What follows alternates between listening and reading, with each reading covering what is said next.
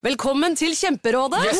Denne gangen har vi fått inn et kjempedilemma fra en familie. Okay. Jeg leser Hei, vi er litt uenige i familien her. Mm. Hvis du skulle vært et dyr, ville du hatt gjeller eller vinger? Oi, den er tricky. Ja, Hva ville dere hatt, da? Altså, jeg vet ikke, men Med familierabatt får du ubegrenset data fra Telenor fra 399 kroner. Da kan du jo scrolle seg til svaret, rett og slett. Ja, ok, Men for min del Ja. gjelder. Nei, nei, Gjelder. nei, vinger. Nei, nei, gjeller. Ja, okay, ja, Kjempebra. Men eh, se nye mobilabonnement på telenor.no, da.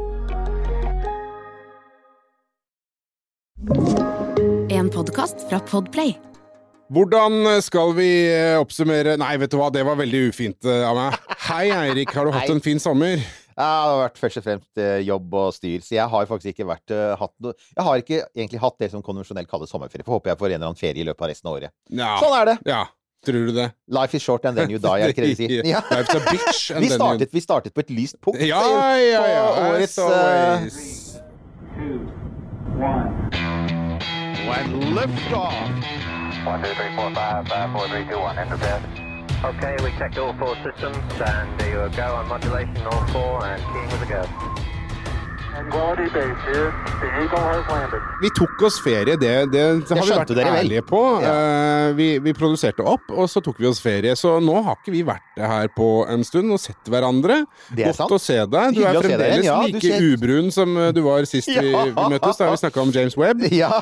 Men, men siden du har vært inne og, og, blek, og malt og Malt rydda, og rydda og flytta og ja. jo, jo. så blir det sånn. Så blir det sånn. Men nå er vi altså tilbake i eh, kapselen. Vi skal ikke feire Luhansk eller Donetsk eller noe som helst av eh, Nei, den slags eh, greier. Vi skal snakke om helt andre ting, for eh, Takk, kjære romkapsellytter, for at du har fulgt oss gjennom sommeren. Og takk også til alle som eh, ikke klarer å la være. eh, og Og peke på peke på ting. Men vet du hva? Dere er årvåkne, gode folk. Jeg- Bra. Nei, men altså, poeng. Helt oppriktig, jeg er så happy for det. For at nummer én så fanger vi opp feil, og, og liksom noe av målet med denne fagpodkasten er at den skal være faglig korrekt. Og nummer to, det betyr at altså, altså dere, Som dere vil høre her, vi har ganske godt påleste lyttere, altså. Er, ha- det er en del hardcore romnerder her. Ja, det, det har jeg lagt merke til at jøye meg, Ja, ja, her er det Vi går, det blir litt detaljer her, men det er bare gøy. Nok en gang så føler jeg at liksom, kunnskap og vekttall eller studiepoeng er eh, svært underrepresentert eh, hos meg. Men jeg tenker at vår første mann i dag blir sikkert ikke fornærmet når vi da kaller han for en hardcore romnerd.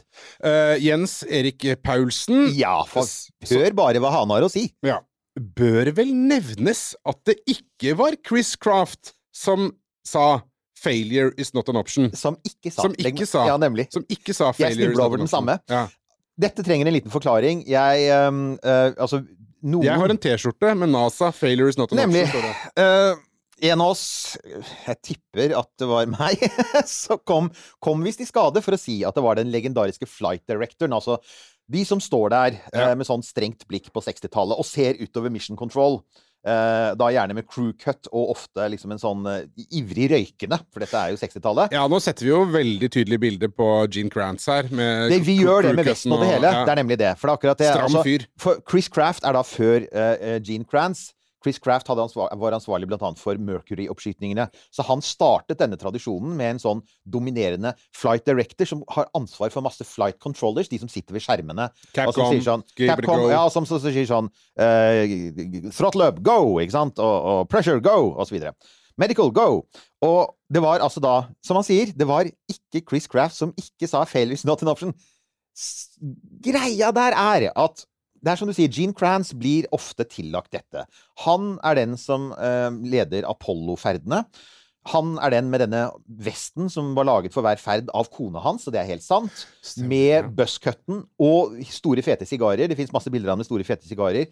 Han, det, det, det, det, dette er så det, Hva er det? Er Mad Men, den serien, vet du? Det er så 60-tallet som det kan få blitt. Store, fete sigarer og pipe, ikke sant? Og tjukke briller. Det er liksom Det er Som en sånn svart uh, ramme, ja. Ja, svart ramme. Det er Mm. NASA-stil på den tiden. Mm.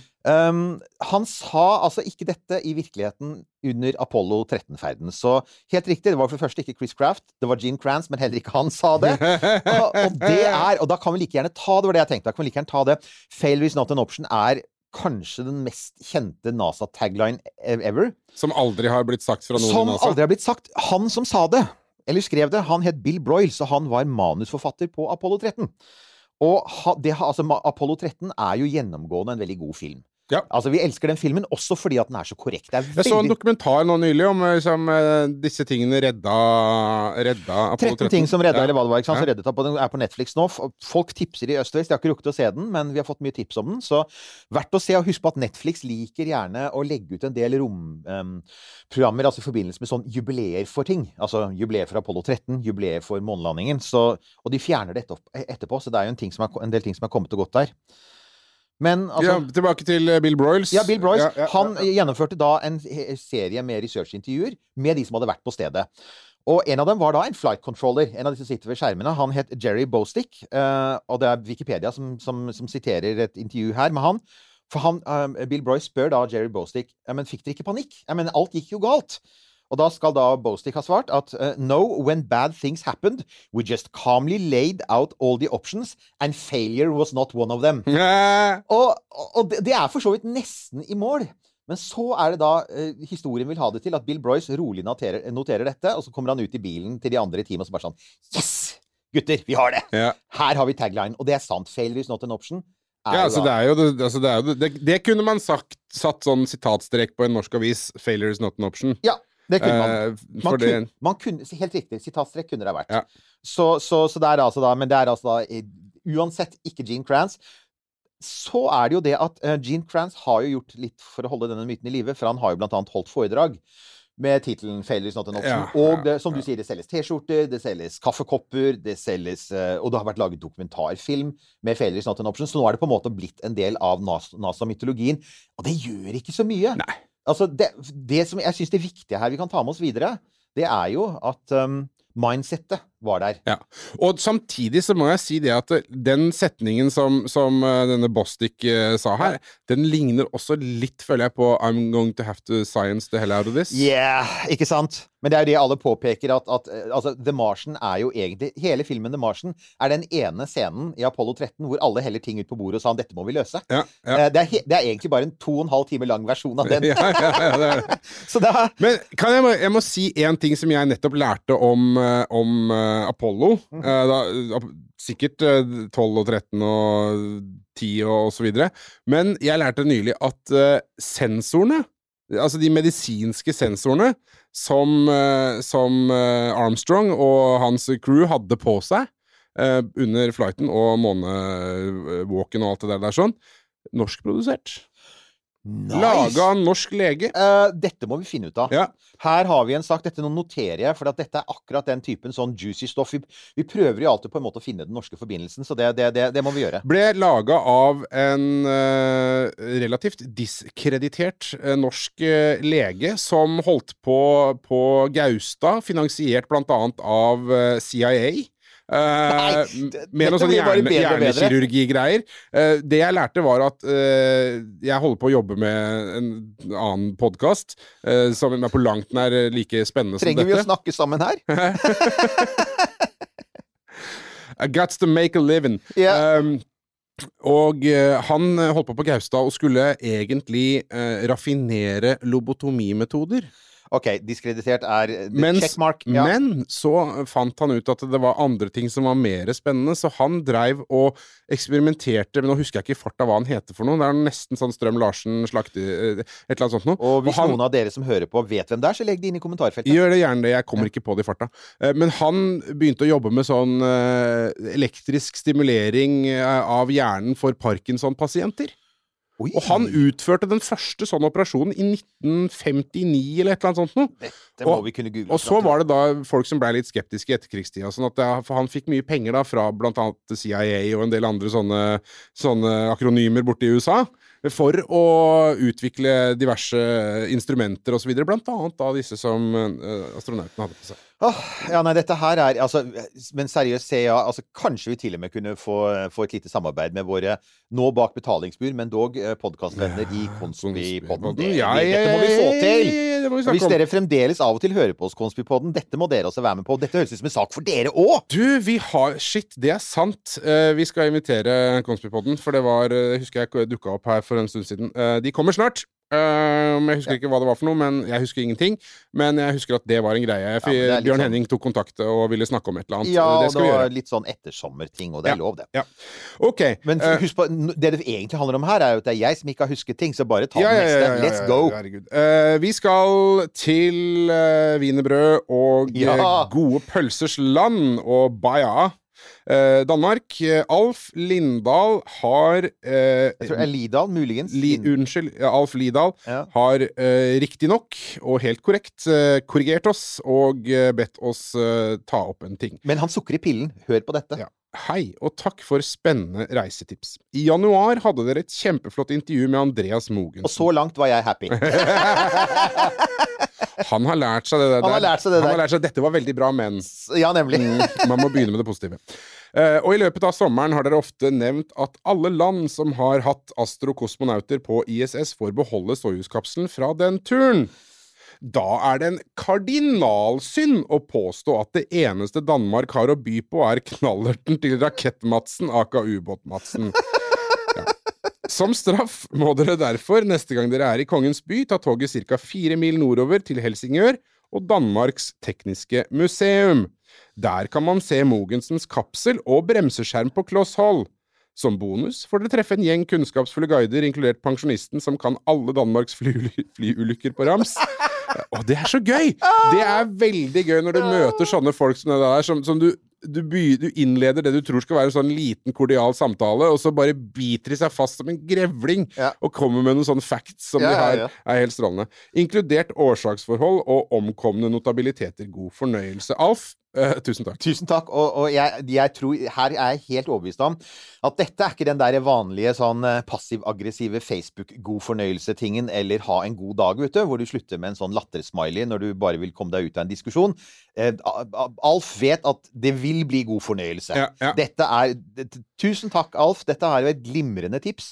Vi har snakket om at vi bør ta oss en tur til København for å snakke Ja, med disse raringene. Som om det skal sies, da. Nå skal det sies til um, eh, Copenhagen Suborbitals kreditt. De har lagt det litt sånn uhumske kapitlet bak seg. Han forlot jo det teamet for veldig lenge siden. Og, og de jobber faktisk fremdeles. Jeg følger dem jo. Eh, De jobber stadig med denne Spica-raketten sin og den kapselen som jeg tror vil få selv den mest bevandrende eh, speleolog, altså huleutforsker, til å kjenne litt på klaustrofobi. Den er liten, altså. Det er som å sette seg du står i et reagensrør, ass. det er, det er et reagensrør, akkurat det. Men uansett, de jobber med det, og uh, de slipper folk inn, og, så det skal vi gjøre. Og Ja. da må vi selvfølgelig også uh, treffe han som kan alle flyulykkene på rams, for han høres jo helt genial ut. Ja, jeg, jeg kjenner også at jeg ble litt sånn eh, Litt irritert uh, her for en stund siden, hvor jeg så at Mogensen var i Norge. Ja, nei, dette er jo bare Eh, feil. jeg så han var Han var på en eller annen sånn mission oppover i noen fjell... Noen, Å ja, men det, er- han, steiner- han er jo det. Altså, det, det. Andreas er jo den sånn der eh, optimale kombinasjonen av sånn derre supergod i matte og Ja, gym og alt ja. sammen, og klatre i fjell og dykker og Ja, det var noe hopper. romsenter, eh, ESA-prosjekt Ja, det var helt han sikkert var det. på, Ja, så det at, kjempekult. eh, ja, Mhm. ja. Men uh, nå uh, vel. uh, takk for det. Litt, det. litt hyggeligere her, da. Ja. Vi, vi, har, vi ba jo også om litt reisebrev, så nå skal dere også få et par Det var, var det han eh, Lars Erik her som sendte alle bildene? Han sendte masse bilder. Det var veldig gøy å se. Tusen takk for det, altså. Ja, og han sendte et ordentlig langt brev. Det måtte vi dessverre forkorte litt, for det, det ble litt for mye for å, for å ta med her. Men vi tar med liksom sånn indrefileten og bare vite at alt er lest, uh, Lars Erik Ove, og det, er kjempe, det var kjempebra. Ja, er Veldig hyggelig. Tusen, tusen takk. Dette er Failure is not an option-versjonen av brevet ditt. Ja. Eh, For et snaut eh, år siden besøkte jeg Infinity Science and Space Museum, som nevnt i første podkast om reisetips fra USA. Dette er nok mest myntet på barn og skoleklasser, da det er mye som ikke er romfartsrelatert, da spesielt rettet mot vær og klima. Tips til barnefamilier i så fall. Ja, ja. Det er viktig å huske på, for det er jo en del av dem òg. Det er en del av dem. Ja, nei, ferdig med det. Men de har jo Apollo 4-kapselen og førstetrinnet til en Saturn 5 utstilt. Hallo sann! De har også en del ymse rakettmotorer, inkludert en Aerospike-motor. Jeg vet ikke hva det er for. Aerospike-motor er, altså er en motor som man forsket på på 90-tallet, som skulle løse annet et av de problemene du har når du flyr opp i rommet, som er at mot, en motor som er bygd for å funke nær, eh, nær havets eh, Altså nær eh, jord, jordskorpa, og 100 km oppe. Ah, Eh, da må man ofte sette på en sånn der diger eh, dumbbell, en diger sånn dyse, for at den skal funke. Eh, Aerospike er, skal da blant annet teoretisk sett kunne løse det, men det er, det, de jobber fremdeles med det. Det var en veldig kul teknologi. Ja. Og det var faktisk et selskap som ønsket å gjøre det samme som SpaceX gjør nå, altså gjenbrukbare raketter som, brukt, som forsket på Aerospike. Har dessverre ikke innfridd potensialet, men, men eh, skulle gjerne ha sett den, altså. Mm. Den ser helt annerledes ut, fordi at den er formet som en liksom sånn, nesten som en trekant hvor gassen strømmer utenpå trekanten og ikke inni. Det, det ser så rart ut. Oh, okay. Skal se om vi kan legge ut et bilde på, på Facebook. Fortsetter, og deler fra romfergen er der. Brukte romdrakter har de også, eh, og nok en modell av en av modulene til ISS. Jeg har lagt ved noen bilder jeg tok. Ja, de var fine. Eh, Det var veldig fint. Og så da en liten påpekning. Ja, Dere nevnte det ikke da dere snakket om reisemål for å se på romfergen, men de har, eh, de har 747-en, som ble brukt til å transportere romfergen der, med en fullskala modell påmontert. Ja, det, Hei! Det er vel Houston, tror jeg. Det, var, jeg, tror jeg. det er mulig at jeg klippet bort en bit der, for jeg tror ikke det er Infinity. Men uansett. Okay, ja. Men det stemmer jo, det. Uh, skal vi se jeg Fant et bilde fra da jeg var der i 2017. Her er det Lars Erik har vært eh, rundt. Han, Det er gøy. han bor der borte nå, oh, ja, så han okay, har jo ekstra så han, har, han har jo optimalt for en romnerd. Ja. Altså igjen, du vet jo, Lars Erik, du bor jo i på en måte mekka for romnerder. Oh! Eh, så skriver han til avslutningsvis her Synes det viste størrelsen bra. Denne modellen kan du også gå inn i. Nice. Da begynner vi å snakke. Da, da er vi der. For det er sånn jeg vil Det er Ja. Det er plukke på ting-genet i meg. Jeg er helt Har enig. lyst på det. Og så sånne da ting. helt til slutt så en, en kort liten en med en som faktisk fulgte vårt råd. Ja, gøy. Eh, da må jeg Vent, da. Eh, Thomas Hårajuvet Ja. eh, reiste til Pennemynde. Ja. Mm. I går hadde jeg bursdag og fikk nytte dagen i Pennemynde. Gratulerer med dagen som var, da. Min type bursdag, Thomas! Takk! Og fikk nyte dagen i Pennemynde sammen med V1, V2, Werner von Braun og min kone. Og til, til Thomas' kone, eventuelt unnskyld fra vår side. Ja, og, og 100 konepoeng. Ja. Uh, tusen takk for reisetipsgutter, og ikke minst takk for den gode underholdningen dere leverer. Tusen takk for ja. gode ord, Thomas. Bonus med besøket på Penemynde museum er å få gå rundt inne i et nedlagt kullkraftverk. Det er svære greier. I, lø, I løpet av sin tid, ja. I løpet av, ja, I løpet av sin tid i drift eh, har de laget strøm av 4,5 millioner tonn kull. Det ble mye CO2. Ja. Og Og- så er det i gang igjen av Tyskland. Jepp. Så det er helt riktig. Men tusen takk for det, Thomas. Og, og takk også for andre. Det har jo også kommet noen sånne kortere kommentarer, og sånn, og det er veldig hyggelig. Så, så folk har tydeligvis eh, likt dette her, og forhåpentligvis har det vært noen som har hatt glede av det. Og jeg- har sett at det er flere som også har liksom funnet ut at nei, nå skal um, Baikonur skal på bucketlista, fordi vår aller siste sending handlet jo om det. Det er når Russland en dag blir et land å reise til. Så er det altså da faktisk mulig å komme seg dit. Jeg la jo ut en video i sommer hvor en sånn der engelsk reiseblogger faktisk gikk hele veien til Ja, ja. Det anbefales ikke. Eh, Det viser seg, oppdaget i ettertid, at den fyren har eh, Han var gift med en russisk dame. Han har, han har visstnok en oligarkvenn. Han ble svært mye mildere behandlet av russisk politi da de tok ham, enn stort sett alle andre som går inn på et lukket russisk område der man skyter opp raketter. Ja, så det så det, var ment, det var ment som underholdning, folkens. Don't do it. Kan sies at uh, hvis du skal gjøre det, så er vel denne tiden den absolutt dårligste å gjøre Jeg det på. Jeg tenker det, og særlig ja, akkurat nå, så, så Det er, det, var, det er nå 1983 hvor det var liksom tidenes mest dårlige idé. Så, og by the way, vi, om, om ikke så veldig lenge så kommer vi til å snakke litt om Russland igjen. Men før det så syns jeg at vi må snakke med det som da Snakke om noe som faktisk har skjedd i For at selv om Nor Norge Altså, Norge har jo tatt fri, Ja. eh, men det store landet med all den fantastiske romfarten har som kjent ikke offentlig lovfestet sommerferie. Nei. Så i United, der jobber man hele tiden. Ja da, FBI driver og undersøker ting hos han oransje mannen, og eh, verden går videre. Ja. Eh, og så er det jo da Og dette er jo faktisk ganske i, Er det lov å si at for min del så kom det litt bardust på? For jeg tenkte ikke at de var, eh, at de var så Fordi vi har jo skøya mye om det. At eh, herregud, her er det Her henger de etter og blir jo aldri ferdig, og det kommer jo aldri til opp i lufta. Ikke sant? Men så plutselig er det sånn Nei, nå skal vi skyte opp. Ja, da er det altså SLS, Space Launch System, som er grundig testa. Og det er jo NASA har jo gjennomført en testprosess som eh, hovedsakelig Altså alt har jo skjedd på bakken. De har jo ikke dette, så dette blir den første fulle testen av raketten med Orion-kapselen på, opp i rommet. Så det er å sammenligne med den aller første Saturn 5-testen, Apollo 4, tilbake i 1968, var det vel. Og, og em, da skal jo Altså, vi vet jo ikke helt åssen dette vil gå, men de er jo ganske sikre på at dette vil gå bra, fordi at Altså, det er jo velkjent teknologi, blant annet. Det er jo basert mye på romferjeteknologi, og de har testa den i hodet og motsatt ende av kroppen så mange ganger nå at de føler at de kan si at den 29. august, Ja. mandag 29. august, Da fra klokka 14.33 og to timer utover, så har du et oppskytingsvindu. Blir det scrub pga. været eller noe teknisk? Og det er jo veldig sannsynlig, da. Det, er, det kommer man jo ikke forbi. Eh, så um, For man vil jo helst skyte under, opp under perfekte forhold, bl.a. for å kunne filme raketten hele veien opp. For at hvis noe skjer, så vil man jo også ha film fra bakken av det som skjer. Eh, og da vil det i så fall være oppskyting i tidlig september. Eh, og grunnen til at de har et oppskytingsvindu, og ikke bare kan skyte opp når de vil, det er fordi at de også skal treffe månen.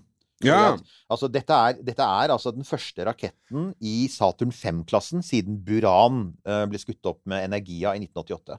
Det er første gang vi på så mange år at vi har en sånn super heavy eh, launcher. Eh, vi har snakket om det også, at den, de har holdt på med den siden 2011, altså 11 år. Den har kostet 23 milliarder dollar. Par milliarder i året. Um, og, og, og på toppen så sitter da Orion-kapselen, som har kostet omtrent like mye. Så det er sånn rundt regna 45 milliarder dollar. Så omtrent det som Elon vil kjøpe Twitter for! By the way! Så du kan få en månerakett. Elon, dere, tenk på dette her. Du kunne faktisk fått en Du vil til månen. Du kunne fått en månerakett med kapsel for den samme summen. Jeg, bare, just, jeg bare nevner det. ja, nå blir det vel ikke noe Twitter-kjøp, Nei, det blir ikke det. Så, men um, men uh, kanskje han har kjøpt en månerakett kanskje han vil kjøpe månerakett. istedenfor. Så skal jo, og det blir jo en spennende ferd, da. Ja, for det, altså, dette er jo Det skal jo litt mer enn bare teste om raketten kommer opp. 1202. Et godt råd fra Apotek 1. Påsken markerer starten på solkremsesongen. Og når du skal ut og nyte solstrålene, bør solkremen allerede være på. Mange av oss har ikke sett sola i vinter. Derfor trenger den vinterbleke huden ekstra god solbeskyttelse. Husk solkrem selv om det er overskyet, og at snø og sjø gir økt reflektering av solstrålene. Kom innom og få råd på ditt nærmeste Apotek 1, eller chat med oss på apotek1.no. Apotek 1. Vår kunnskap, din trygghet. Ja, så det er mange ting som skal skje samtidig. Først skal du da få raketten opp i rommet, så skal du teste muligheten for å sende raketten videre ut til månen, eh, til det som heter translunar injection, og det er jo også veldig lenge siden noen faktisk gjorde. Eh, Sist det skjedde med en romkapsel, det var jo Apollo 17 tilbake i 1972. Eh, og så skal Orion uh, ikke inn i en sånn lav månebane som Apollo-kapselen gjorde, fordi de var veldig lavt over månen, og så landet de, og så, og så fløy de tilbake derfra. Den skal opp i en høy månebane. En såkalt høy retrograd månebane, altså mot månens rotasjonsbevegelse. Og det er for å teste om Orion-kapselen kan fikse den banen som denne månestasjonen Gateway skal også gå i en sånn litt rar, avlang bane. Um, og det det betyr, er faktisk at i løpet av de 42 dagene som denne ferden skal vare Såpass, ja. Såpass, ja. ja. Det er en skikkelig lang ferd som kommer ikke tilbake før i oktober. Mm. Så skal man også uh, fly lengre bort fra mm, jorda enn noen romkapsel har gjort. Det er ikke mennesker om bord, men du kommer til å fly jeg tror det er 60 000 km bak månen. Oi. Og så langt bak månen var aldri Apollo-astronautene. Nei. Så det er jo, det er jo kult. god vei til å besøke James Webb her nå, da. Det er det de er, vet Ja. du. Og så er det jo da, så skal de tilbake igjen fra månen, og da får man jo testet Orions um, varmeskjold i månefart. For at Ja. når du faller hele veien fra månen, altså vanligvis når du kommer inn i jordas atmosfære, så er det sånn ca. 27 000 km i timen hvis du har gått i lav jordbane. Det er sånn romferja og det er sånn Crew Dragon. 27 000 km i timen. Og det blir sånn 1200-1500 grader varmt på varmeskjoldet. Her kommer du inn i 40 000 km i timen. Så det blir betydelig varmere på varmeskjoldet. Det blir sånn rundt regna 2300-2400 grader, så vidt jeg har sett. Shit. Så det er 1000 grader varmere, egentlig. Så du må ha tjukkere varmeskjold uh, for å, for å liksom kunne tåle at det blir brent av. Så det blir spennende å se. Men de har allerede testet den i månefart for noen år siden. Så de veit at skjoldet fungerer, altså. Det, det er det de kan. Og så var den litt søt, den, da. Eh, så skal man jo sende Ja. av gårde noen. Og det var ESA har nå fått med, for at det skal jo med noen europeere her, og ESA som har bygd selve eh, serviceseksjonen som skal skyve eh, kapselen av gårde rundt, opp rundt månen, de har da bidratt med sauen Shaun Ja, Jeg antar at du, du, du som uh, småbarnsfar vet vel hvem Sauen Shaun er? Sauen Shaun, ja. Ja, ja, ja. Han er fremdeles på Er han ikke det? Han var veldig svær da min var liten. Jo da, Seven Shaun, så er det Men uh, vi er vel litt uh, Nå vet tror vi er litt sånn ferdig med det. Men Seven Shaun, ja. Og så er- altså, det er en ah. derivasjon fra det greiene der. Så, Ja, som jeg sier sånn Jeg er så, glad, jeg er så glad de valgte Sauen Shaun. Lite lam med TV-program. Nemlig! Han er så irriterende! Det var sånn, det var sånn, det var sånn jeg tenkte sånn Det er av de byrder man bærer. Ja, men Seven småbarnsforeldre. Shaun er jo ganske morsom. Sound Shaun er er morsom, han har glimt i øyet, og, og dette med det, Han blir jo da en såkalt zero gravity indicator, en sånn lekedyr som flyr omkring i vektløshet. Det var jo russerne som begynte med dette, eh, tilbake i sovjettiden. Eh, For eksempel så fløy jo da uh, de av oss som er gamle nok til å huske Julie Skomakergata og Jon Blund. Ja. Hvem er denne karen med sekk og lue på Nemlig, ikke sant? Nå har vi allerede mistet flere lyttere her. Det blir ikke noe særlig mer enn å slappe av. Altså, og det, det var jo, han, han fløy jo i rommet. Det var jo Tysklands første kosmonaut. Sigmund Jehn. Han tok med seg opp uh, Der Sandmann, som han het på tysk. Ja. Eh, så det ble jo en hel sånn serie med sånn kosmos-ting fra rundt uh, Der Sandmann fordi han fløy i rommet. Så ja. Eh, så det må bli morsomt. Så det- Og så har jo folk da lurt på blir det livestreamet, blir det bilder. Jeg er helt sikker på at NASA kommer til å ta så mye bilder fra denne ferden som overhodet mulig. Og siden de har Jeg har ikke funnet noe konkret om hva, hva de kommer til å gjøre med livestrøm fra kapselen, men i og med da at man kunne livestrømme TV fra månens overflate i 1969, så vil jeg håpe og tro at man bombarderer oss med fete bilder av sauen Shaun, bilder ut av kapselen. Ja. For igjen, dette gjorde NASA også. Altså, NASA tok jo bilder fra sånn type Apollo 6-ferden igjen tilbake i, i 1967-68. Da riktignok med manuelt kamera, men altså, de har jo gjort dette før. Så jeg antar de gjør det igjen. Ja, det er jo Altså, jeg holdt på å si sånn Selvfølgelig, det er jo Må de det? Men altså, som vi jo har lært av NASA, så er det kanskje ikke akkurat den biten der de er best på. De har kanskje noe å lære av han derre Twitter-fyr. Han uh, Twitter-duden uh, kommer helt klart til når Starship går opp, så Ja. forventer jo alle at det er liksom 800 kameraer og antagelig Ja. en liten drone. Men de, men de må Altså, de, de kan jo ikke ikke gjøre det. De kan ikke ikke sende bilder fra Det, det, det gjør De må jo det. Jeg kan ikke skjønne noe annet. Ikke sant? Og det er et eller annet Vi kan ha en fyr som sitter med liksom, handa hevet over den store røde knappen hvis noe går Ja, gærent. det er sånn, altså, Vi har igjen, brukt 43 milliarder skattedollar på dette romskipet, men vi gadd ikke å sende av gårde en GoPro. Nei, La oss i det minste få noen fete bilder. Jeg syns det. Ja. Så, så det, så det, er, det blir spennende, og, og det virker som de mener det denne gangen, er vel egentlig poenget. Så det er en, det, er absolutt en mulighet for at det blir oppskyting den 29. august, og i så fall så skal eh, vi gjøre vårt ytterste for å forsøke å, å livestrømme det. Eh, det vil jo da være 14 eh, Altså oppskytingen kan tidligst foregå 14.33 norsk tid. Ja. Så det er egentlig et ganske fint tidspunkt. Men det finner vi ut av. Det finner vi ut av. Og det, kan jo, og det kan fort bli utsettelser. Så er det jo den andre. Nå har jeg litt sånn déjà vu, for denne snakket vi om i fjor òg. Denne snakker vi om stadig vekk. Ja, altså, den har vi snakket om i, nå har jo- i snart to år. Nå har det skjedd uh, Endelig så er det en eller annen form for eh, framgang da, av, uh, av noe slag. Eh, Vi skal til Boca Chica. Og uh, selvfølgelig SpaceX. Eh, Det har vært mye storm rundt eh, mannen sjøl, det med det, det hvite, hvite, hvite legemet. Jeg, det er et eller annet, jeg må bare si det, da. Jeg, jeg kan på en måte si det, for jeg er en storvokst mann selv. Det er et eller annet med å ha en ganske stor kropp og gjøre narr av den store kroppen til Bill Gates som ble litt sånn rart. Det er sånn, det er sånn hva, tenkte du, hva tenkte du da? Det er sånn, ofte så var det vel det som Er det vel kanskje det som er problemet, at han ikke gjorde det. jeg tror det. Det var et veldig godt eksempel på liksom at uh, hvis du først gjør Kanskje han har sittet sammen med Joe Rogan. gjøre, ja, ja, skal du liksom først gjøre narr av milliardærmagen til, til eh, Bill Gates, så burde du kanskje være litt forsiktig med å passe på din egen milliardærmage. Men altså, uh, det skal jo skje ting her. Uh, Starship er jo, har jo for så vidt vært under kontinuerlig utvikling siden i fjor sommer, da det faktisk Vi hadde jo et lite veddemål med en av lytterne våre. Eh, om Kjell, tror jeg det var. Uh, som om liksom hvem uh, Kommer det til å bli oppskyting i løpet av sommeren? Ja. Og han, i likhet med veldig mange andre, var veldig optimistisk. Jeg trodde det ville skje i september. Vi tok begge feil. Det gikk et år.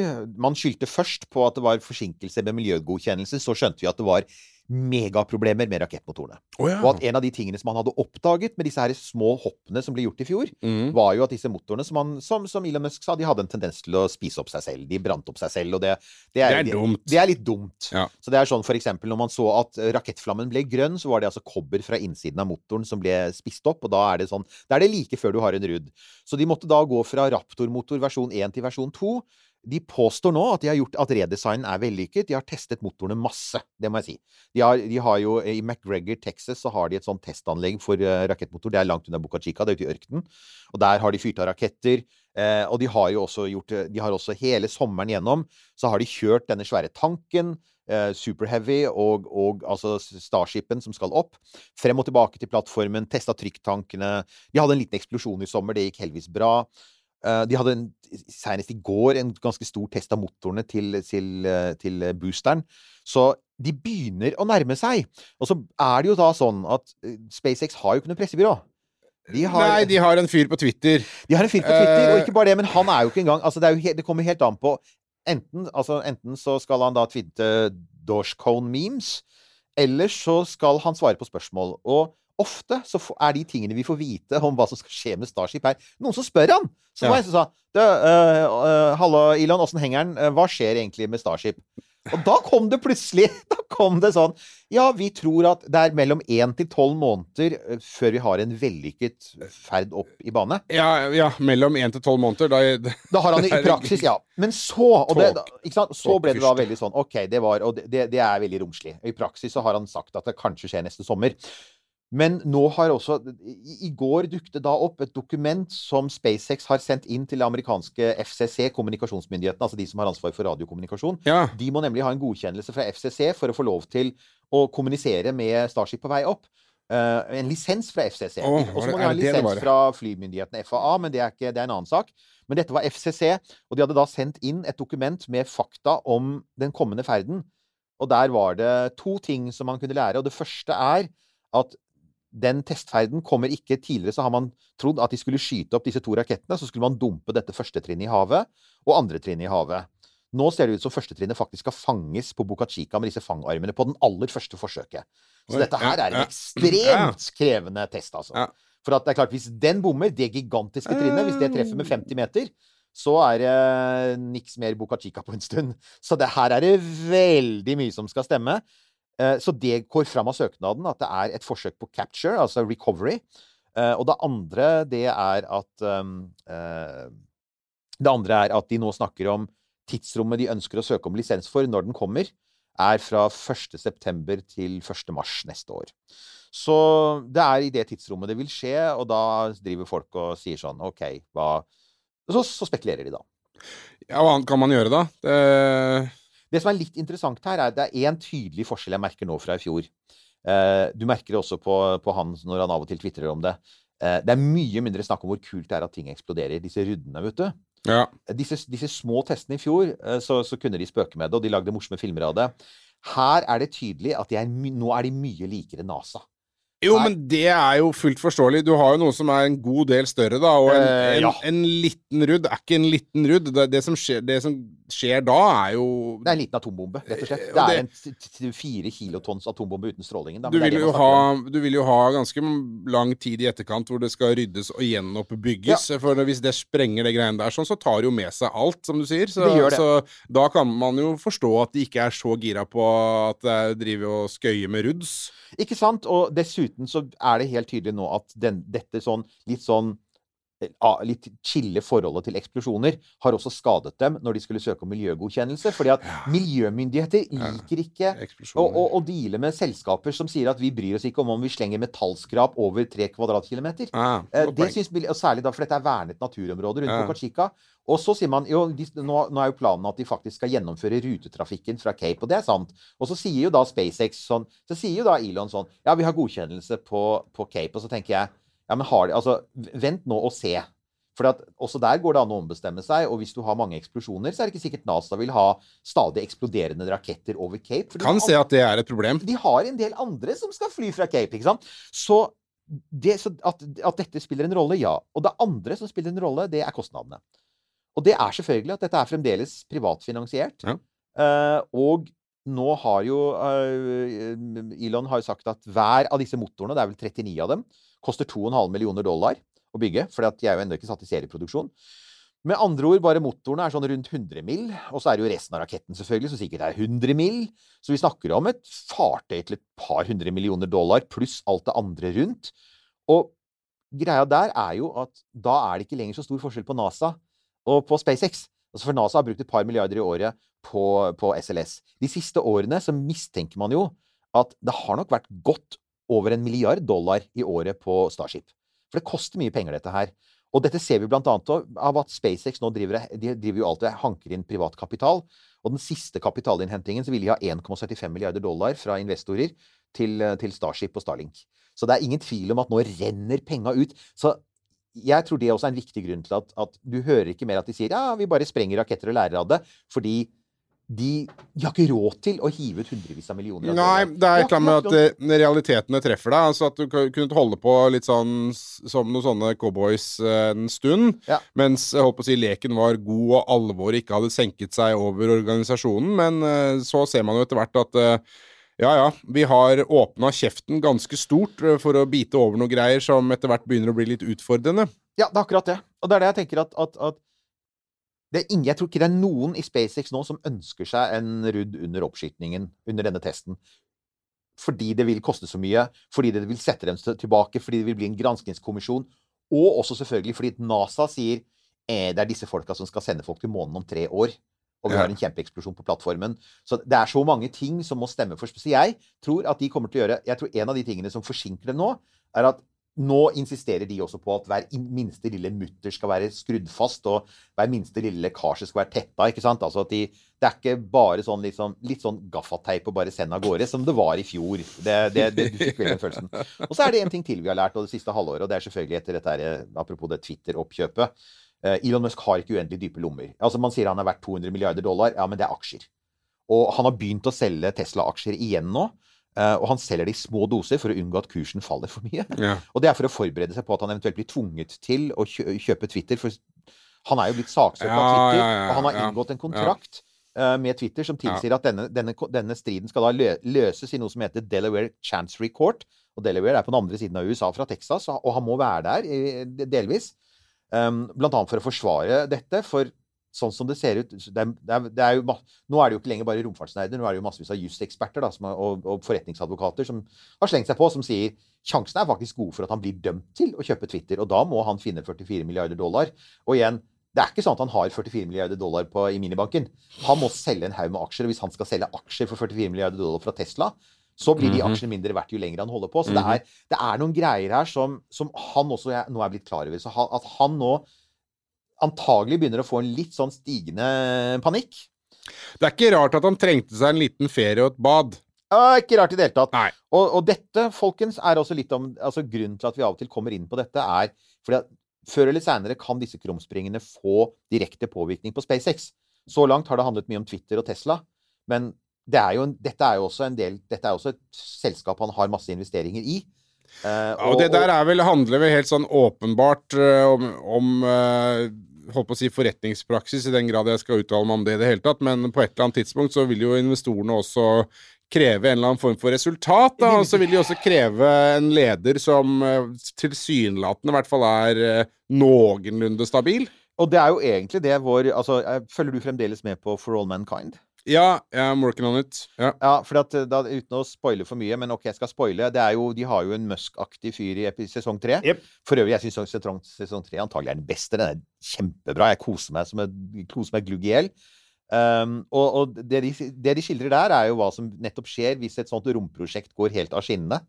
Uh, og hva, hva gjør da styret i selskapet? ikke sant? Så ja, eh, men jeg skal ikke si noe mer. Nei. Men du har helt rett. Det er eh, Altså Apple TV er enig med deg. egentlig Apropos dårlig forretningspraksis, så kommer vi jo til noen som, er, som har gjort det til eh, sin nasjon, nasjons varemerke.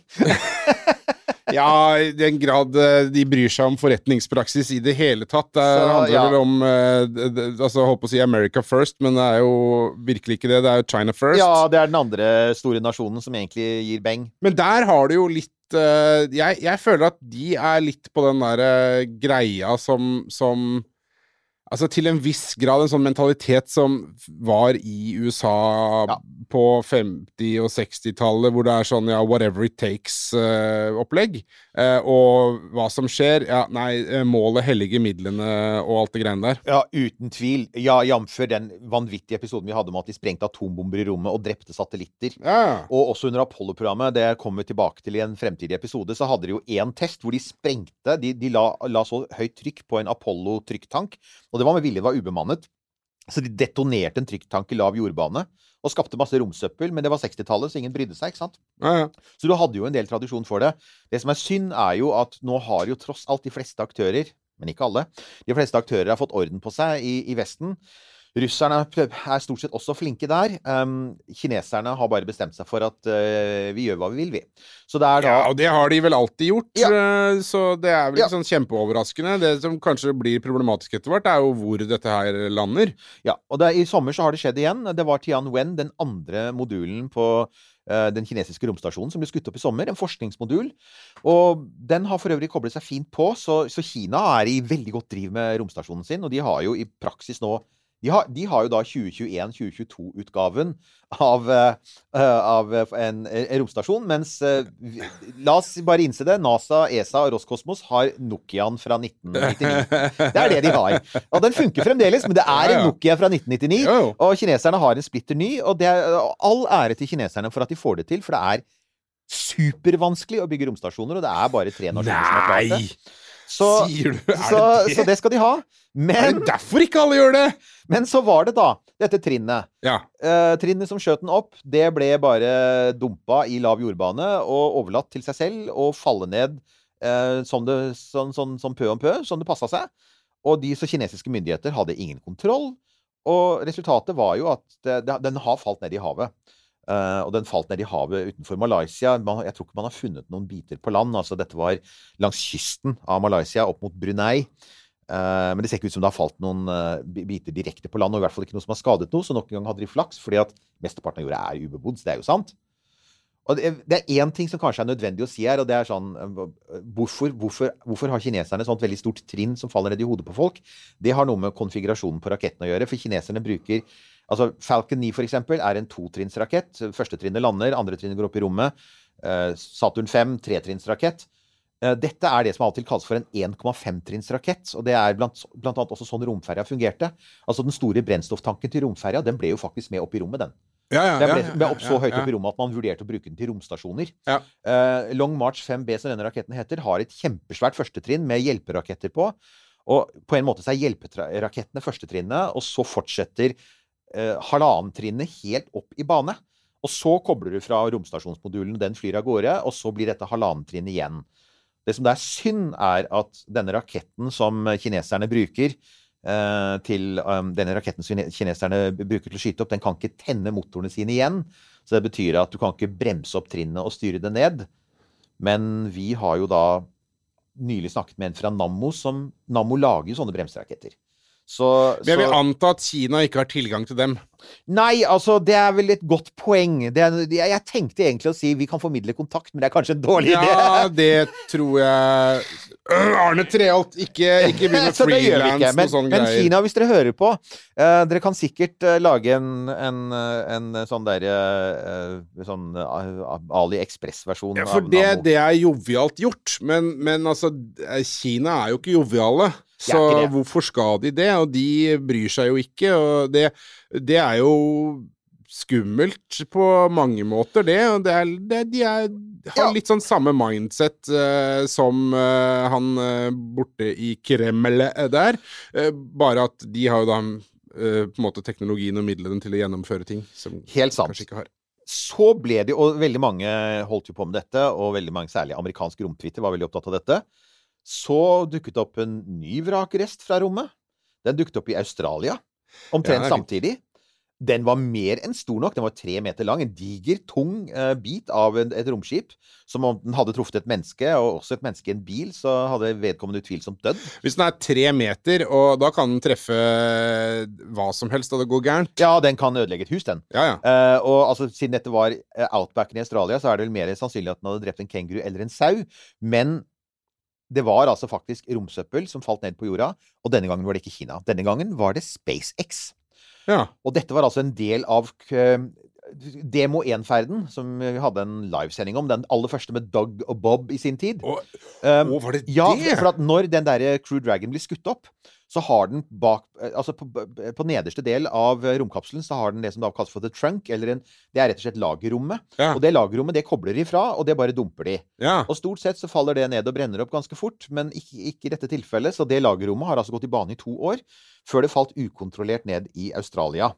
Uh, og det som da var litt slående, det var jo Det var veldig Det kom australske forskere på stedet veldig fort, og de konstaterte med en gang at dette var SpaceX. De kunne se med en gang at dette var en SpaceX-del.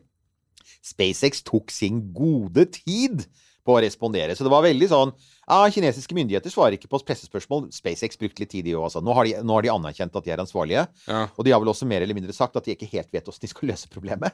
Uh, for at dette lille trinnet kan tydeligvis ikke ha noen retrorakett og styringssystem.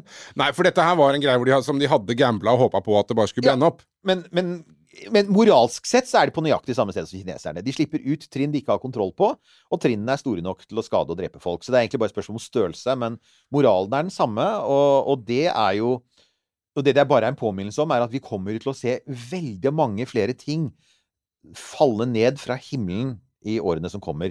For nå er jo Starlink på vei opp. Og Starlinks versjon 2 de, altså Starlink er jo bygd for å brenne opp i atmosfæren, og det går stort sett bra.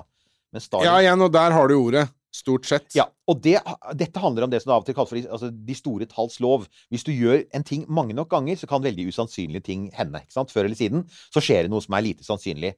Og, og her snakker vi om ganske store tall. Hvis det f.eks. er sånn, jeg regna litt på det eh, De ønsker å ha 40 000 Starlink versjon 2 opp i bane Ja. for å få komplett nettverk. Det tar lang tid, og, og, og det vil ta mange år. Men dette er jo satellitter med levetid på kanskje sånn fem-seks år. Men la oss si fem år, da. Ja, det vil si at, eh, og, da, og de satellittene som da er døde, skal da med sine små De, ha, de har sånne styreraketter som skal styre dem kontrollert ned. Eh, Fem, altså 40 000 satellitter lever i fem år. Cirka hvert år så skal noe sånt som 8000 satellitter skal styres ned i atmosfæren igjen. ikke sant? 8000 satellitter. Ja. Uh, og hvis da 1% av dem ikke fungerer som det skal, altså hvis motorene svikter i 1 av tilfellene, så har du usannsynlig. 80 ukontrollerte nedfall. ikke sant? Ja. Og, da, da, da vil du, og det, det, og det er grunnen til at det nå er kommet en ny studie uh, som viser at det er, det er ikke usannsynlig at folk kan bli truffet og skadd eller drept i løpet av det neste tiåret. Det er noe sånn som 10 sannsynlighet Ja. hvis romfarten utvikler seg som den gjør nå, og man, og man faktisk gambler med at det på et eller annet tidspunkt altså Gambler med å dumpe ting ned i atmosfæren. Så det, er, det har vært snakket mye om det romsøppelet som om lysforurensningen fra, fra Starlink og romsøppelet som 40 000 satellitter kan skape. Det har vært snakket mye mindre om problemet du kan få når 8000 satellitter i året faktisk skal brenne opp i atmosfæren. Så det er verdt å huske på. Ja, Så- og det- ja altså, det, det blir ikke- jo, det kan jo bli en interessant uh, diskusjon etter hvert, det der, der da, om man skal bare Ja, det er bare name of the game, det må vi godta at sånn er det, og Ja. det er jo kanskje ikke helt uh, liksom eh, en, en, akseptabel, et akseptabelt svar i vår moderne verden, så da må man jo begynne å, å se tilbake, da, eller de, de holder på med så disse herre opprydningsdronene og opprydningssatellittene som det er snakk om, da. Jeg tror helt klart at vi må få et eller annet på plass der. På et eller annet tidspunkt så vil noen få testet, og det kan godt hende at det blir SpaceX, fordi de kommer til å ha så mye opp i rommet, eh, få testet den eh, Det finnes jo en traktat om som, hvordan man erstatter skader for, eh, for ting som har falt ned fra rommet. Det snakket vi om i en av våre første sendinger. Det, for Ja. Da fikk vi et spørsmål om det. Hvis det faller ned en, en bit fra verdensrommet i hagen min, eller hvis den faller ned, går gjennom hustaket og ødelegger huset mitt, hvem står ansvarlige? Det fins faktisk traktater som regulerer det. Ja. Så, så på et eller annet tidspunkt Jeg mistenker jo at i løpet av det neste tiåret, hvis det fortsetter som nå, så i beste fall så blir den traktaten testet. I Ja, verste fall så kan det gå Ja. Ja, for det, da, da var det vel sånn at eh, det er jo den som har skutt det opp, som er ansvarlig for det som eventuelt måtte komme ned. Ikke sant? Er det en, en romtraktaten av 1972 eller et eller annet sånt? Ja, det var noe sånt. For, for det er ikke nemlig For det er ikke, det er ikke den store til FN fra 67, det er en som kom noen år etterpå. Som rett og slett går spesifikt på skader fra ting som faller ned fra rommet. 1202. Nå er det påskesalg hos Ark. Du får 30% på påskekrim og 40% på alle spill og puslespill. Jeg gjentar Ark har 30% på et stort utvalg krim og 40% på spill. Det er mye påske for pengene. Så hamstre påskekosen i nærmeste Ark-butikk eller på ark.no. Apropos dårlig praksis. Ja, vi må jo gjøre det. Vi må Ja. bare nevne det. Ja, vi, ja, vi må det. Vi var så vidt eh, innom det. At uh, Det har vært en håper- heftig sommer, altså. Det, det har jo det. Det mye. har det. Uh, det går jo på en måte, jeg holdt på å si, fra Jeg vet ikke, fra vondt til verre. Det gjør det vel, eh, Mm. på et vis. Selv om han eh, gærne eh, Rogozin er ute, så jeg vet ikke om det har hjelpa noe Nei, den gamle særlig. nazisten er ute. Ja, det, det har kanskje hjelpa i den grad at uh, han ikke er kanskje like tøff i trynet på Twitter uh, lenger, men det Nei, det betyr er jo ingenting. Han, jeg tror faktisk han har blitt sendt til Donbas. Ja. Jeg lurer på om ikke han har fått en jobb der. Ja, det, Han han, ja. han er jo, Ja. han er jo ho- horribel, og det høres helt riktig ut. Ja. Som sånn guvernør eller noe sånt nå. Uh, Terboven har han blitt, altså. Ja, han er blitt Terboven. Ja. Eh, så nazisten Rogozin er ute. De har fått en ny sjef som ikke er så aktiv på Twitter. Han heter Borisov. Han er selvfølgelig også en venn av Putin. Antagelig har også han noen yachter liggende omkring. Selvfølgelig. Eh, han har så langt vært mildere i formen, men også han, med sitt, i sitt første møte med Putin så sa han jo at de skal trekke seg ut av romsamarbeidet etter 2024 for å satse på sin egenutviklede romstasjon som er, heter ROSS, R-O-S-S. Um, så, men det, man, det, det som er veldig tydelig, er at han snakker ikke som Rogozin om frakobling, eller at uh, vi skal dumpe astronauter, eller la dem være igjen oppe, og sånne ville ting som Rogozin hadde for vane å si. Uh, og faktisk så har NASA og Roskosmos nettopp presentert et felles crew for Crew Dragon, hvor det er med en russisk kosmonaut, en kvinnelig kosmonaut. Så, så det arbeidet fortsetter, og en av de fremste i eh, Roskosmos, han heter Sergej Krikalev, han er tidligere kosmonaut. Han har også vært veldig tydelig på at samarbeidet fortsetter inntil videre til de får denne Uh, denne Ross-stasjonen opp. Ja, Og så er da det store spørsmålet Tror vi faktisk på at russerne har den kapasiteten? Ja, uh, nei. Nemlig. Vi gjør vel ikke det. Det, det jeg syns er fascinerende med det der, der er jo det at vi skal avslutte samarbeidet eh, på ISS for å bygge vår egen romstasjon. Altså, er det noen er det, Finnes det noen som faktisk tror på det? Nei, altså, det, det, det vitner jo litt om den virkelighetsfjernheten som råder i Russland nå. Det samme som at vi skal bli det nye store Vi skal gjenvinne det gamle imperiet. Vi er egentlig verdens sterkeste makt. Alle disse, altså, Russisk stats-TV virker jo som en sånn eneste stor fantasy-kanal for øyeblikket. Men Eh, er det altså det, det der, der for meg så er det Det blir litt sånn det samme når, som eh, Trump sa at nei, vi skal få i gang igjen eh, gruvene, vi skal starte opp igjen stålindustrien. Nei! Det kommer jo ikke til å skje! Nei, det, det kommer ikke til å skje. Altså, for det første så, så kan jeg si at altså, Russland har ikke kapasitet til det. Om, om de hadde hatt pengene Altså, Russland har, tjener jo en del penger på olje nå, men, men, Jo, jo. men, men krigen er svinedyr, og sanksjonene er svinedyre. Men en romstasjon er vanvittig dyr. Altså, ISS har jo kosta 150 milliarder dollar. Det er ingen grunn til å tro at Ross ikke vil koste titalls milliarder dollar. Det er én ting, og det, det har de ikke budsjetter til. Roskosmos budsjetter er knøttsmå sammenlignet med NASAs. Så da må de i så fall mangedoble Roskosmos budsjetter. Det har vi ikke sett noe til. Men det andre er at de mangler jo nå kapasiteten. For at alt skal jo være nytt der. Nye kapsler eh, for å erstatte Soyuz. De er ikke i gang i nærheten av å fullføre kapselen. Eh, nye bæreraketter som kan løfte disse store, tunge modulene. Ikke ferdig. Modulene i seg selv, hvem skal bygge dem? Og så kommer jo da dette at, at sanksjonene som jo Ja, rammer teknologien. Ja, ikke sant? Altså, de trenger mikroprosessorer, og det får de ikke nå. Eh, og ikke bare det, nå, men altså, de, er jo, de, er, de er jo klar over at, at dette er farlig, fordi at de har jo Det var en av de tingene som, som Rogozin uh, vedtok, var jo å forby at russiske Altså at ingeniører fra rombransjen får ikke lov til å forlate Russland selv på ferie nå. For han, Ja. han er jo redd for at de skal hoppe av. Ja, selvfølgelig. Med god grunn. Mm. Og det sier jo alt. Altså, hvis du, hvis du lurer på om det er om Roskosmos er klar til å bygge en splitter ny romstasjon, så bare sjekk. Eh, så kan man spørre seg i så fall hvorfor vil man nekte russiske romingeniører å dra på ferie til eh, Ikke sant? Her ser jeg for meg en sånn russisk Penemynde med slavearbeidere inne i en eller annen gruve. Altså, og den, altså, de, det har jo også vært ville ting i sommer med altså, Det har vært bilder fra den russiske boligmodulen. Den er som en sånn der, Det er sånn yeah. gutterom. Det er sånn, eh, sånn hva er det de kaller for tankis, disse her som er, er på, i sosiale medier og forsvarer alt, eh, alt eh, Putin gjør. Uff, ja. Eh, det, er, det, er sånn, det var ett bilde som var sånn Religiøse ikoner. eh, sovjetiske flagg. Hallo, var, det ikke, var ikke de ateister? Gagarin, Koroljov, som jo var ukrainer. Og, og, og, og så selvfølgelig sånn derre Donbas-flagg. Det er helt horribelt. Og det har NASA fått kritikk for, fordi de sier russerne er nå virkelig in your face, provoserende. Så Ja. folkens, den der greia med at vi trodde at de støttet Ukraina Sorry, men dette er det samme crewet. De støtter ikke Ukraina. De støtter okkupantene og den blodige krigen i Ukraina. Eh, jeg lurer på om det er eh, i Er det Armageddon?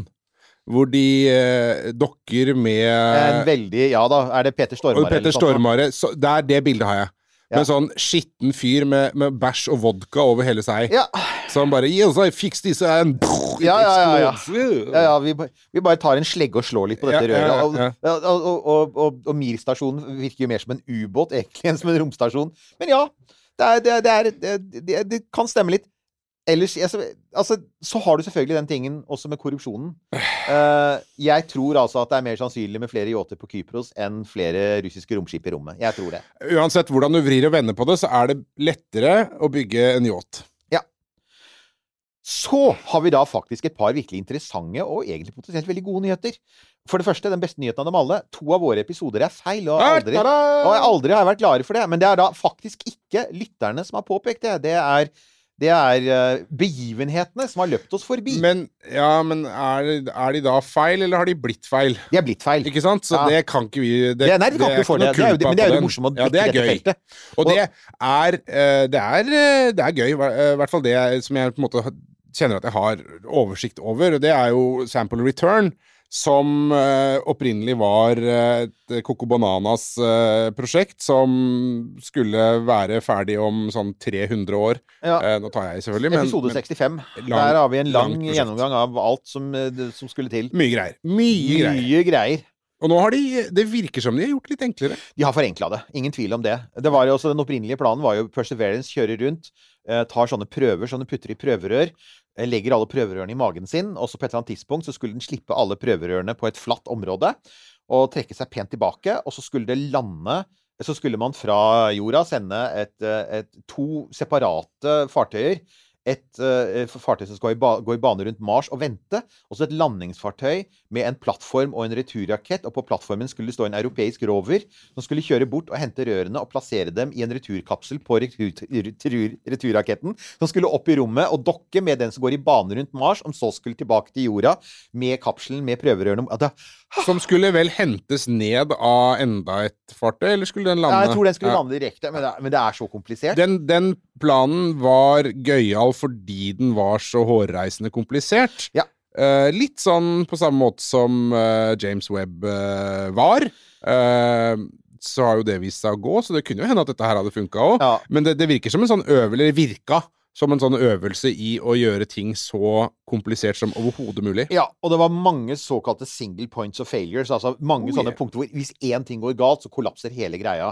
Så å redusere antall sånne failure-punkter Failure is not an option, vi vet det, men samtidig så skjer feil. Ja. Og, og det man da har gjort det var, Men den, den, den direkte årsaken var at denne roveren begynte å bli såpass um, Roveren og returfartøyet som skal ta med seg kapselen opp til rommet og tilbake til jorda, um, returraketten, uh, de to har begynt å legge på seg, som jo skjer med alderen. Det var begynt å bli så tunge at um, det varmeskjoldet du treng, trenger for å komme deg ned gjennom Mars-atmosfæren, de hadde tenkt å bruke det samme som for Perseverance. Og det er greit, for hvis du kopierer det, så er det billigere. Nå var det snakk om å begynne å redesigne varmeskjoldet, og da økte plutselig kostnaden og tidsrammen.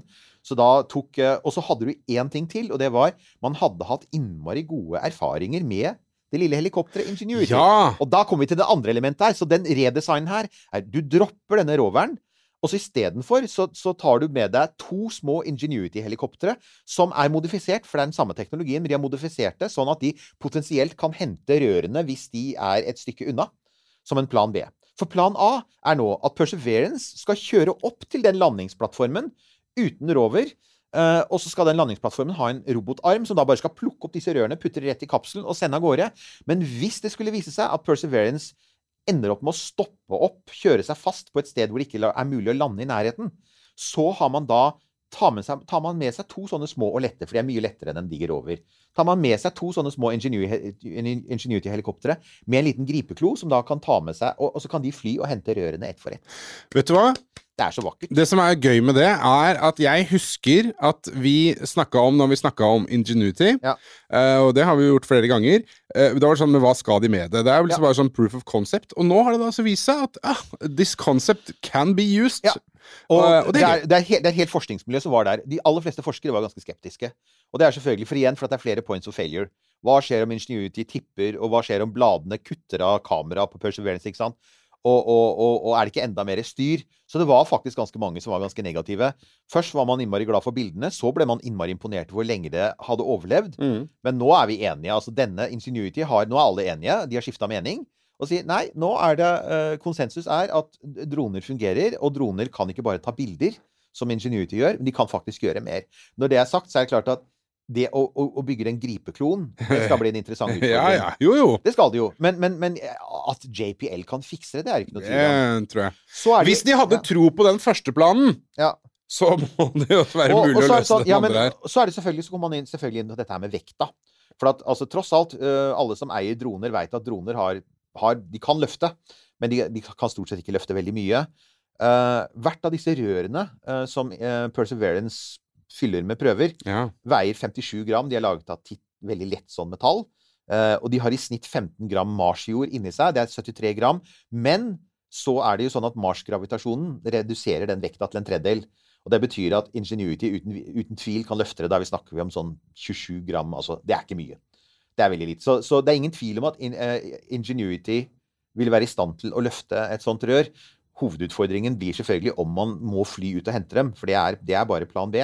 Plan A er fremdeles at de skal bare plukkes opp med en arm og legges i kapsel når Percy kjører inntil. Så Så vi skal lage en sånn, eh, sånn tømmerbil. Så er det jo en ting til, da, og det er jo at um, for, altså, Perseverance skal jo da kjøre masse omkring. Og planen baserer seg på at Percy overlever i ti år. Og, og det kan den godt komme til å gjøre, for Curiosity har klart seg i ti år, ikke sant? Men hva skjer da om Perseverance stopper underveis, ikke sant? Ja. Um, hva skjer, og, og det man er mest redd for, er ikke det. Det man er mest redd for, det er hva skjer om Perseverance får et totalt teknisk et sammenbrudd, som gjør at alle rørene som ligger i magen på den, ikke kan slippes ut. Ja, blir værende inne der, ja. Nemlig. Så det man nå har begynt å diskutere, er skal man ha to plasser hvor man slipper rør? Skal man ta kanskje de fire-fem av de aller beste, fire-fem av de lovende rørene man har, og så slipper man dem på en sånn, sånn reserveplass, og så kjører eh, Perseverance videre, og så ligger de der. Og hvis da Perseverance skulle bryte helt sammen og falle ut for en klippe, det skjer jo ikke da, men hvis det skulle gå helt galt og ikke rørene kunne slippes ut av magen på den, så har man fremdeles den lille batchen liggende der, og da kan man fremdeles lande der i 2027 og fremdeles eh, plukke opp disse eh, med da, Og da blir helt klart helikoptrene veldig viktige. Så, så ja, det, syns jeg er briljant. enkleste hadde jo vært bare sendt folk som kunne henta de ut. Ja, og altså Hadde Elon Musks opprinnelige planer vært en realitet, så hadde det jo vært folk der allerede og plukka rør. Men så er det jo en sånn liten sånn eh, eh, Så er det et, par ting til sånn helt på tampen der, og det er for det første eh, Hva skjer da med roveren? For husk på, den skulle bygges av Airbus for ESA. De er ganske pissesure. Som rimelig kan være. For de har, vi veit jo alle at romprosjekter krever lang tid. Ja. De har allerede brukt år av sitt liv på å lage en innmari kul rover som skulle til Mars. Ja. Unik rover. En, en sånn rørplukkerover rørplukkerrover. Så, men det ser ut som de får en trøstepremie. Den skal til månen. Så, så de får, Jo, de får men da får de gjort det. De, de får kontrakten, liksom. De får bygd et eller men annet, så så er det selvfølgelig det andre er Men vent nå litt. Dette var plan, dette var plan B. Eh, Ofte lykkes NASA med plan A. Ja. Og da har man sendt to rovere til Mars. Hva skjer så? Altså, og hva skjer etter at den returraketten har dratt av gårde med alle prøvene? Ja. Uh, jo, da blir jo roverne værende der, og da kommer de til å henge rundt De kommer til å henge rundt Percy. Så Percy, som da nå er i ferd med å bli alene fordi at Ingenuity synger litt på siste verset. Sånn? De er, altså Percy kommer da til å ha to små venner som kommer til å følge med videre på ferden. Jeg syns det er litt søtt. Så da har vi plutselig så, så er, For øyeblikket så er det Percy og en drone. Ja. Uh, Percy og Ingenuity. Og så om i løpet av et års tid så er det bare Percy. Og så står stakkars lille Ingenuity der alene. Men om noen år så får den, den får selskap. Jeg syns det er så søtt. Å, det der, der er jo en sånn Pixar-film. Det er, en, er, Ja. ikke det, er ikke det en Pixar-film? Ja. Ja, det er, jo det. Der kom det to små rovervenner. Ja. På Mars. Og så var ikke den store ensomme roveren så ensom lenger. Det er en Pixar-film, og det er en god idé til en barnebok. Jeg syns Ja. det er en kjempegod idé. Han hadde en venn. Igjen, Hollywood, hvis dere lytter. Nå har vi gitt gode råd til Kina og til Hollywood og til flere andre. Harald Svart. Harald Svart, kom igjen. Listen to this. Ja. Så aller sist Ja, dette her, det gleder jo deg. Du, eh, du har jo for langt eh, liksom satt deg på sånn opsjon for å få abonnement. Ja, Det er ikke for meg, vet du, for jeg bor jo for sentralt. Men, Ja, men dette er du. noe som dere der ute har Mange av dere har lurt på lenge, og jeg vet at mange av dere står på venteliste. Det er Starlink, vi har allerede nevnte. det. Store satellittbaserte internettnettverket til eh, Elon Musk som skal betale for eh, koloniseringen av Mars. Som de jobber med å skyte opp. Det går jo opp Starlink-raketter hele tiden nå. Men det er gamle versjon 1, og de trenger Starship til versjon 2. Derfor er Starship så viktig. Og, og nå er det for første gang, for at man har lurt på når kommer det til Norge. Og en av de tingene som har vært et hinder for å lansere det i Norge, er jo at Starlink er et, det er et prosjekt som vil gagne distriktene. Tettbygde strøp er ikke noe vits i, for at satellittene har Altså, satellittenes kapasitet blir så begrenset nær og i store byer at du, du All annen internett er bedre. Men vi har mye distrikt det er det vi har. i Norge. Det, det har vi. Men så er det den andre lille tingen som, som Den andre lille hemmeligheten som Starlink eh, baserer seg på, er at man sier jo at Starlink er internett levert fra satellitt, men det er jo liksom bare delvis sant. For Starlink er internett levert fra satellitt de siste 3-4 prosentene av veien. For mesteparten av veien går det jo gjennom fiberoptiske kabler i bakken, og så går det til nærmeste bakkestasjon, og så går det opp til satellitten, og så ned til kunden, og så tilbake igjen. Så du trenger bakkestasjoner for å få, for å få den nødvendige dekningen slik Starlink fungerer nå. I fremtiden er det mulig at de kan kommunisere via laserlink og sånn, men nå trenger du bakkestasjoner. Og de bakkestasjonene de kan ikke være Altså siden Starlink går så lavt over jordas overflate, så, så holder det ikke liksom å ha én på hver halvdel av jorda. Du trenger faktisk en bakkestasjon. I et, sånt, et, et land av Norges størrelse så trenger du faktisk noen bakkestasjoner for å få den nødvendige dekningen. Og nå er vi kommet dit at den første bakkestasjonen i Norge skal bygges, så nå veit vi at de faktisk er i ferd med å satse på Norge for fullt. Og det er altså da i Strengelvåg i Vesterålen, Øksnes kommune i Vester Vesterålen. Ja. Så det har vært en sak på NRK som dukket opp nå nylig, og det er et selskap som heter AK, eh, AQL, som da kjøpte opp en nedlagt skole ute på en pynt i Strengelvåg uh, for 1,1 millioner kroner, og har altså allerede begynt. Uh, Oi, de, planen er å sette opp uh, 2,4 meter høye gjerder rundt den gamle skolegården. Og så sette opp en drøss med antenner som er sånn ca. 3 meter høye, eh, bakkestasjon. Og så sette opp noe sånn selvfølgelig strømforsyning og sånt du trenger for å drifte det.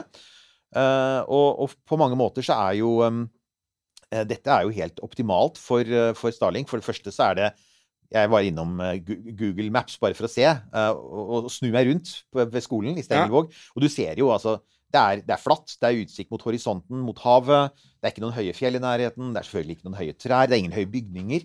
Og det er akkurat det Starling trenger. Men det viktigste av alt er, som dette selskapet AQL har sagt, eh, eh, Strengelvåg har, har fiber. Og det er en av de nordligste og beste fiberforbindelsene du har. Ifølge De har ikke skole. De har ikke skole. Så, så, Men de har- Nemlig. Men de har fiber. Ja. Uh, og, og det er jo det, det er jo akkurat så sånn sett kan man si at det, det, planen er da å sette opp en bakkestasjon som skal dekke um, Lofoten, Vesterålen og for så vidt stort sett altså Norge og deler av Sverige fra Bodø og opp til Tromsø omtrent. Det er liksom det sånn dekningsområdet, så vidt jeg kan se. Gøy. Det er gøy, bortsett fra Ja, at folk da. i Strengelvåg syns ikke at det er gøy. Nei da. Der er det, det er stor motstand. Eh, og, uh, altså, og ifølge NRK, da, som er det vi baserer oss på her, og de har jo da snakket med aksjonskomiteen, uh, de- har vært opptatt, av at AQL ikke har vært veldig åpne, og det virker jo som de bare rulla inn i bygda og bare begynte å sette opp ting. Ja. og det kan jeg skjønne. Og altså, jeg, er jo, jeg bor jo i en by hvor det bygges hele tiden. Jeg kan si at entreprenører pleier faktisk å sette opp et skilt og si 'her bygger vi'. Så holder de på å gjøre livet ditt til et helvete i fem år. Jeg ser på deg, Tøyenbadet. Men du har i hvert fall en plakat som forteller deg hvor helvete kommer fra. ja, det er jo en mager trøst da, når de pigger uh, i eh, fire år. Ja. Eh, folk frykter støy fra selve anlegget. Det blir ikke veldig mye byggevirksomhet, for mye er rett og slett å plassere ut ting på, på flata, men de frykter støy fra selve fra selve eh, Anlegget. Ja, an- ja, Eh, de, de sier at dette ligger midt i et boligområde. Jeg, uh, Google Maps begs to differ. Jeg, si det så Det kan hende at du og innbyggerne i Strengelvåg definerer boligområdet litt forskjellig. altså, altså, jeg kan altså, jeg, Ja, det er helt sant. Det er liksom sånn eh, 5000 mennesker så langt jeg kan spytte omtrent, innenfor så langt jeg kan spytte. Ja, det er det ikke der, er vet du. det er det ikke 5000 mennesker innenfor hva du kan spytte. Det er Nei. sant. Så kan, så, så for, for, og, og så er det dette med lokalmiljøet. De er opptatt av det, og de, også, de lurer også på om det er sånn at fordi at AQL leverer også datasentre, eh, og da lurer de på om det skal bli et datasenter. Og da begynner vi å snakke om en mye større satsing. Eh, og det kan ta mye mer plass, og da lurer de på om altså, lokalmiljøet i bygda på 200 mennesker kan, kan bli ødelagt. Så det er for så vidt altså, Det er jo legitimt, det. Jeg kan, jeg kan skjønne det. Og så er det det at dette var regulert i skole og ikke til næringsvirksomhet, så nå må det omreguleres. Så poenget er at nå er det gått til nye runder i kommunen. Jeg, sånn jeg leser NRK-artikkelen, så virker det som om kommunen, Øksnes kommune, er interessert. Fordi at Jo, men det er klart det. Det er jo inntekter. Altså, det er ikke så lett å få bedrifter Altså, det var, det var ingen andre kjøpere til den nedlagte skolen. Nei. Og igjen, jeg har, sett, jeg har sett, bare sett bygget utenfra. I get it. ja, men altså, det er, en, det er en skole. Hva kan du gjøre med det, liksom? Jo, jo. du kan bygge et kulturhus. Ja, men hvor mye kulturhus hvor, hvor mye kan du bruke på et kulturhus i en bygd med 200 mennesker? Det er jo. det som er problemet. Dette er et dilemma i hele Distrikts-Norge.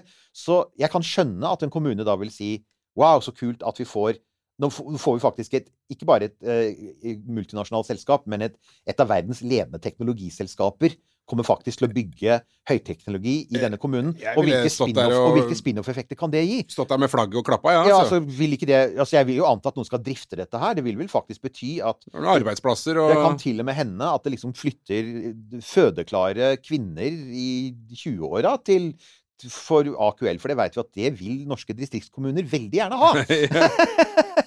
Så hvem vet? Ehm, på den annen side, hvis det stoppes, og nå skal det behandles av kommunen, og det er kommunen som til sjuende og sist har avgjørelsen, så, så kan det bety at innfasing av Starlink i nord kan utsettes. Det må, må- vi rimelig anta. Og det har det presedens for. For i Frankrike så har to av tre bakkestasjoner blitt stoppet av lokal motstand. Der har rett og slett Starlink trukket seg ut. Å ja. Ja. Er det noen sinte bønder, da, eller? Ja, det er siste Som det gjerne er i Frankrike. Ja, da, som mente at eh, strålingen fra verdensrommet kunne få kuene til å melke mindre. Å, Gud. sånt. Ja, ikke sant. Ja, det er der vi er. Ja. Og jeg ser, jeg ser at det er noen i Strengelvåg også som har gått på strålefaren. Altså selvfølgelig st- Strålevernmyndighetene i Norge har påpekt det er ikke farlig. Og nei, russerne kommer ikke til å bombe Strengelvåg med kaliberrakettene sine. De har ikke nok til å bombe Ukraina med. Det er ikke noen krigsfare. Altså, den, den delen av retorikken blir jeg oppgitt over. Ta av tinnfoliehattene, fokuser på nærmiljø og næringsutvikling, og, se, og, og, få litt, og få selskapet til å bli litt åpnere. Det kan jeg skjønne. Men, men hold, holde seg til saken. Men å begynne å snakke om strålefaren Ah, da, nei, når, når, når folkets strålevern kommer på banen, da mister man mye av min sympati. Ja. Men jeg ønsker jo, men jeg ønsker jo Strengelvåg alt vel, fordi For all del. den aller siste lille juicy biten her er Vet du hvor Strengelvåg også ligger? De ligger i veldig kort avstand fra Andøya. Ja. Så du ser jo rett over på sydspissen av Andøya fra pynten der eh, denne romgreia skal bli. Og det det betyr, er jo altså Der tenker jeg sånn litt synergieffekter. For det betyr at det potensielt kan være et område hvor du f.eks. kan se raketter fly opp.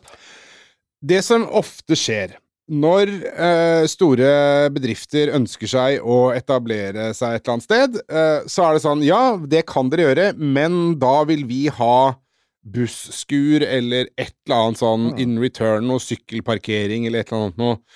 Hva om, kjære Strengelvåg, eh, dere sier til AQL ja, det er greit, vi omregulerer denne gamle skolerønna til eh, deres formål, her kan dere sette opp antennene deres, men vi vil eh, at dere bygger en tribune. En rakettwatchingstribune, et Ja. lite anlegg der med litt av sånn bu hvor du kan kjøpe en vaffel og kaffe, eh, og noen sitteplasser litt sånn eh, verna for eh, vind og vær. Så skal vi sitte her og se på rakettene som skytes opp fra Andøya Space. For det, det, er- det er nettopp det. For det Andøya viser, er at romfart er faktisk i ferd med å bli en del av norsk distriktspolitikk. Ja. Og, og, og, og satsingen i Nord-Norge. Nord-Norge er stedet hvor det skjer mest. Både du har, du har Svalsat, ikke sant. Du har KSAT oppe i Tromsø. Det er, og, du har, du har jo selvfølgelig også satsingene som skjer i Sverige, med Kiruna. Det er der oppe det skjer når det gjelder romfart i Norge. Og da har Strengelvåg mulighet til å hekte seg på. For de, de har en beliggenhet som er ganske interessant. Og når det da kommer verdens ledende romselskap kommer inn og skal bygge der, så tenker jeg det er i hvert fall verdt å, å se om det er mulig å få til, som du sier, å få til en synergi der. da, Og si ok, kan, kan ikke vi gjøre dette til et sånt Altså, det trengs ikke bare ett space-senter i Norge. Hvorfor ikke ha et eget space-senter der også? Ja, Så jeg, jeg syns det. Jeg, men dette er altså da dette er gratis. Igjen, siste gratistips. Kinas myndigheter, Russlands myndigheter og altså da Øksnes kommune. Eh, fra oss i Romkapsel. De, de, deres urbane podkast som vil distriktene vel. jo, men det er sant! Jeg, vil det. jeg ønsker jo bare, jeg ønsker bare at folk skal, skal, kunne bo og ha det bra. Og jeg håper, jeg håper jo virkelig at det, at det blir en god løsning på dette. Ja. Eh, og det jeg i hvert fall håper, for det er jo det aller siste po- poenget her, er selvfølgelig at det er helt tydelig at eh, um, Øksnes og Strengelvåg har fiber, men dette er for de som ikke har det. Og det er den andre biten her. Ja. Uh, og som ikke kommer til å få det, fordi at det per i dag ikke er lønnsomt å gjøre det. Ikke sant? Og, og det er jo Så det er jo det er litt sånn solidaritetsgreie her også, med at det er ganske mange mennesker i Lofoten, Vesterålen og langs eh, kysten av Nord-Norge som, som kan nyte godt av satellittforbindelsen, og det er også næringsvirksomhet. Så jeg kan jo ikke skjønne noe annet enn at at veldig mye bedre satellitt fra, altså internett fra verdensrommet vil være en fordel for all næringsutvikling og turisme og slike ting eh, der oppe. Jeg kan ikke skjønne noe annet. Nå også en distriktspolitisk podkast her, altså. Ja, og, og det er et siste lille moment. Det skjedde vel også i sommer, tror jeg, eller kanskje skjedde litt før, men jeg kan nevne det nå. Det er at uh, Starlink, som jo tidligere har vært veldig opptatt av at du må ha en bestemt adresse til den antenna di, Ja. eh, nå de jo, har de jo forandret på det. Nå er det jo kommet en egen sånn bobil-Starlink. Stemmer. Eh, RV Starlink. Uh, den tipper jeg også kommer til Europa. Og da, apropos det, tenk bobilturister. Altså, jeg, eh, vet jo at meningene er delt om det, men, men, men igjen, turisme kan bli kobla opp mot uh, Starlink også. Det skal vi ikke glemme. Vi heier på romfart. Vi Det vi. heier på, Først og fremst gjør vi på det. heier på romfart, vi heier på internett, og vi heier da også på distriktene her i Nå tror Romkapsel. vi nå, nå, folkens, tror jeg vi er ferdige. Nå kan det tørke svetten ut av ørene. Vi har hatt en oppsummering av sommeren. Det er sikkert ting vi missa. Jeg vet at det er ting vi missa, men det, vi, vi, vi rekker ikke mer. Nei. Vi gjør det nå. Vi sier at det er hva var greit. det med Vi er eh, på de vanlige sosiale mediene. Og hvis det det. er noen fra Øksnes som, som har mer info, for dette vil jeg gjerne følge opp. Det er interessant. Altså Starlink er spennende for oss, og dukker opp noe mer info som er interessant for oss, så ta gjerne det. Og hvis vi sa noe som var veldig feil, f.eks. at vi uttalte Strengelvåg feil eller Øksnes feil, eller sa noe veldig galt, så Meld dere på. det, Dere veit jo hva vi gjør i sendingene våre. Vi legger oss flate. Ja, vi gjør, ja, vi gjør det. Vi gjør det. Når det vi, når, når, når vi må, så Så gjør vi det. Så flate som en eh, SpaceX-del fra verdensrommet. Ja, på, ja. Ok, nok om det. Eh, ferdig der. Jeg prøvde å komme på et eller annet smart med en kenguru, men jeg, jeg, jeg skipper det. Uh, nu vel. Uh, Romkapsel.no for merchandise. merchandise. Eh, liten info. Eh, vi er per nå utsolgt for størrelse large i What Would Werner von Brown Do-T-skjorter. Kommer selvfølgelig inn igjen uh, i løpet av uh, relativ tid. eh, er bra. si. Uh, ellers eh, Facebook eh, som eh, lever og ånder og syder av liv. Og Mhm. så ja, er vel det. Vi høres igjen eh, da neste gang du trykker på play. Du har hørt en podkast fra Podplay. En enklere måte å høre podkast på. Last ned appen Podplay, eller se podplay.no. Nå er det påskesalg hos Ark. Du får 30% på påskekrim og 40% på alle spill og puslespill. Jeg gjentar Ark har 30% på et stort utvalg krim og 40% på spill. Det er mye påske for pengene. Så hamstre påskekosen i nærmeste Ark-butikk eller på ark.no.